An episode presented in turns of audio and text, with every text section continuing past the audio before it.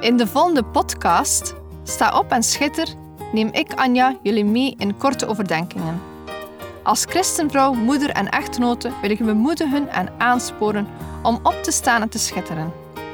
We zijn niet gemaakt om in Gods koninkrijk stil te zitten en niets te doen, maar om op te staan en dienstbaar te zijn. In de eerste plaats zien over God, daarna zien over ons gezin, onze partner of onze geloofsgenoten. En als gevolg zullen we dan ook schitteren in de wereld. Neem je Bijbel bij de hand, want zonder Bijbel zijn we als een kok zonder eten of een zanger zonder stem. Dus luister naar, sta op en schitter.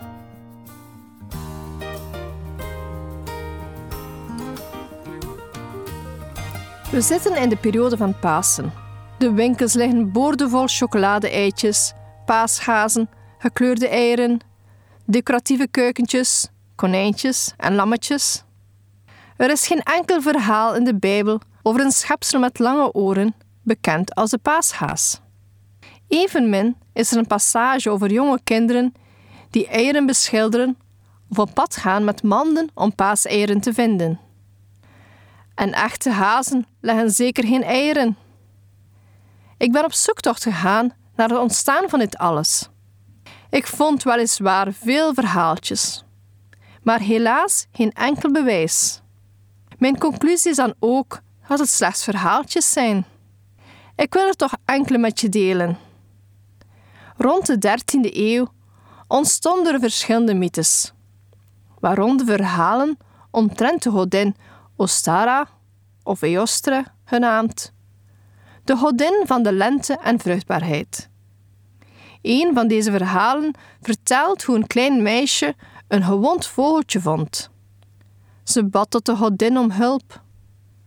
De godin kwam en zag dat het vogeltje er heel slecht aan toe was en veranderde het in een haas. Aan het meisje vertelde ze dat de haas voortaan één keer per jaar terug zou komen om gekleurde eieren te leggen. In eerste instantie werden verhalen zoals deze van generatie op generatie doorvertaald. Vandaar dat er ook verschillende versies van deze mythe zijn ontstaan. Over het ontstaan van de eieren en de klokken gaan de verhalen terug die wijzen naar de katholieke kerk. Bij de invoering van de vasten verbood de katholieke kerk om eieren te eten tussen aswoensdag en Pasen. Deze eieren werden dan pas met Pasen opgegeten, waarbij de oudste eieren gebruikt werden om te versieren. En dan is er nog het verhaal van de paasklokken. Tussen Witte Donderdag en Stille Zaterdag, de dagen voor Pasen, mochten de klokken van de kerk niet geluid worden. Om dat aan de kinderen uit te leggen, werd het verhaal bedacht van de vliegende paasklokken, die terug uit Rome gevlogen kwamen en gekleurde eieren voor de kinderen meebrachten. De klokjes laten hun eieren vallen en bij het eerste klokgeluid op paaszondag mogen de kinderen de eieren gaan zoeken. Een theorie wil dat de protestanten het katholieke verhaal over de klokken niet wilden vertellen. Zij zouden de paasgaas aan het verhaal hebben gehecht. Grappig om al deze verhalen te lezen en te zien hoe de commerciële sector er gebruik van maakte om producten te verkopen in teken van Pasen. Ze gaan er zelfs zeer ver in, zoals borden, tassen, servietten met de paasgaas of hangertjes voor in de paastakken. We zijn met Pasen aan de start van de lente. De lente die symbool staat voor nieuw leven. Dus de eieren, kuikentjes en het lammetje zijn dan een prachtige uitbeelding van de start van de lente. Voor mij een beeld van nieuw leven en hoop. Ik ben geen wintervrouw. Ik zou het liefst een winterslaap doen en opstaan met de lente. Uitzien naar mooie zonnige dagen. Zo is het ook met Pasen. Uitzien naar een prachtige nieuwe wereld door Jezus.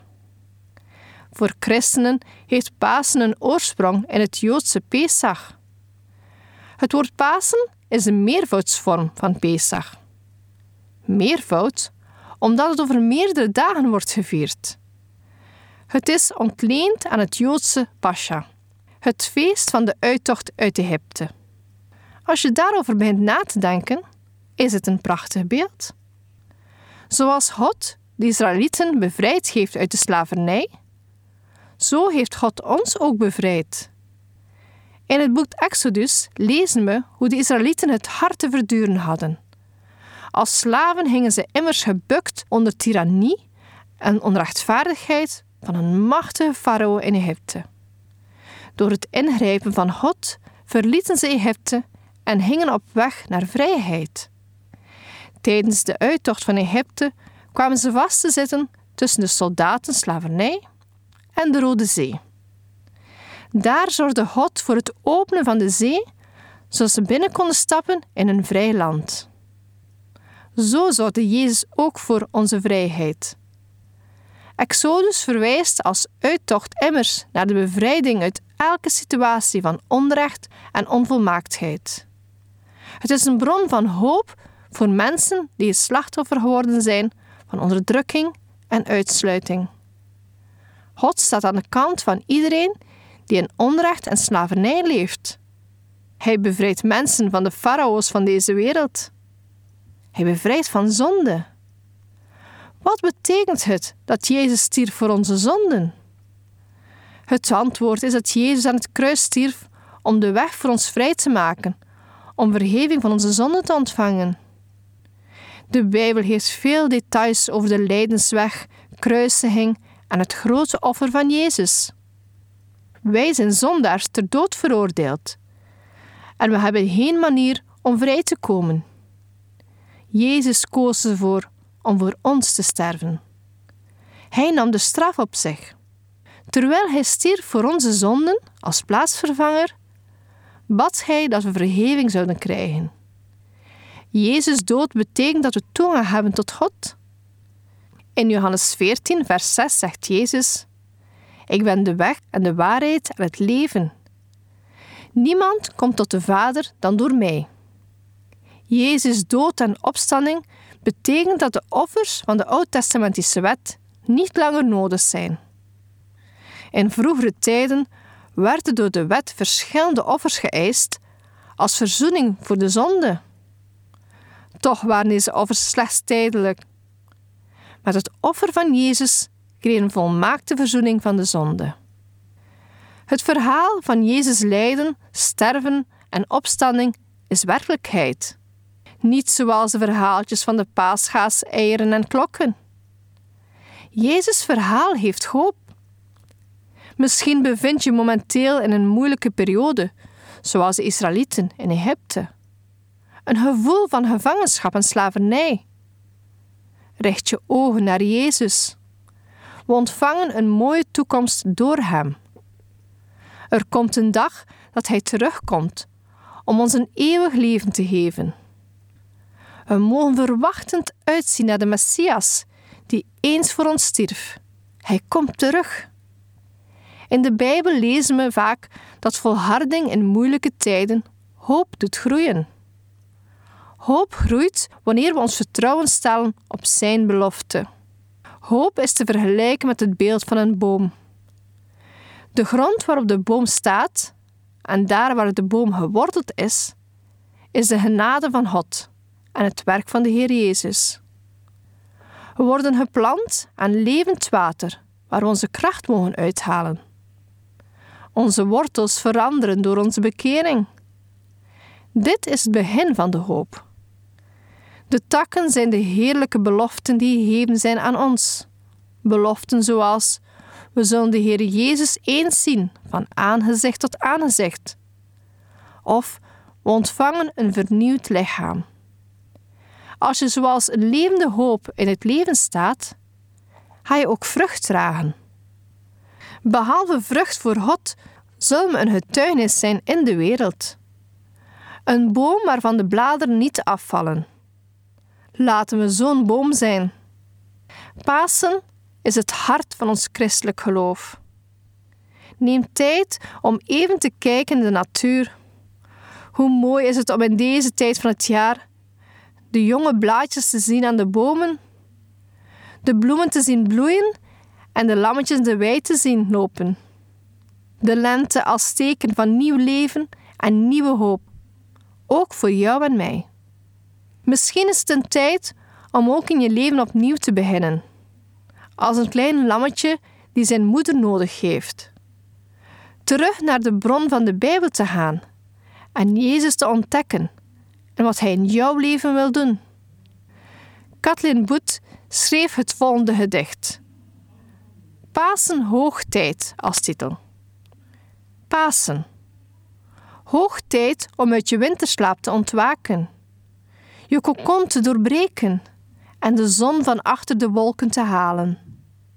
Voel de lentewind, een nieuwe warmte die je dorre kleurt, een glimlach die ijs doet smelten.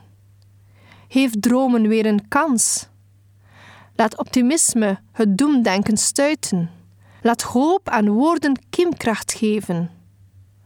Lenteknoppen die openbreken in bloesempracht. Opstaan om te leven, verder te gaan. Niet blijven staren op wat voorbij en onomkeerbaar is.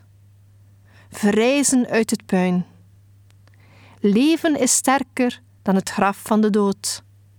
Wat een fantastisch gedicht. Sta deze week even stil bij het lege graf van Jezus, want Hij is opgestaan. Veel mensen wensen elkaar een zalig Pasen toe. Ik vraag me af, wat wensen niet-christenen ons dan toe? Wensen we ze dan veel chocolade-eitjes? Of een bezoek van paashazen en klokken? Ik heb geen idee. Wat ik wel weet, dat het een uitdrukking is om iemand een gelukkige paasviering toe te wensen. En dat wens ik jullie toe. Onze Heer is opgestaan. Vrolijk Pasen. Deze podcast kun je steeds opnieuw beluisteren via de website en app van twr.be. Als je deze aflevering leuk vond en je wilt de podcast helpen ondersteunen, deel hem dan met anderen. Heb je gebed nodig of wil je reageren op deze uitzending? Zend dan gerust een mailtje naar anja.twr.be. Bedankt voor het luisteren.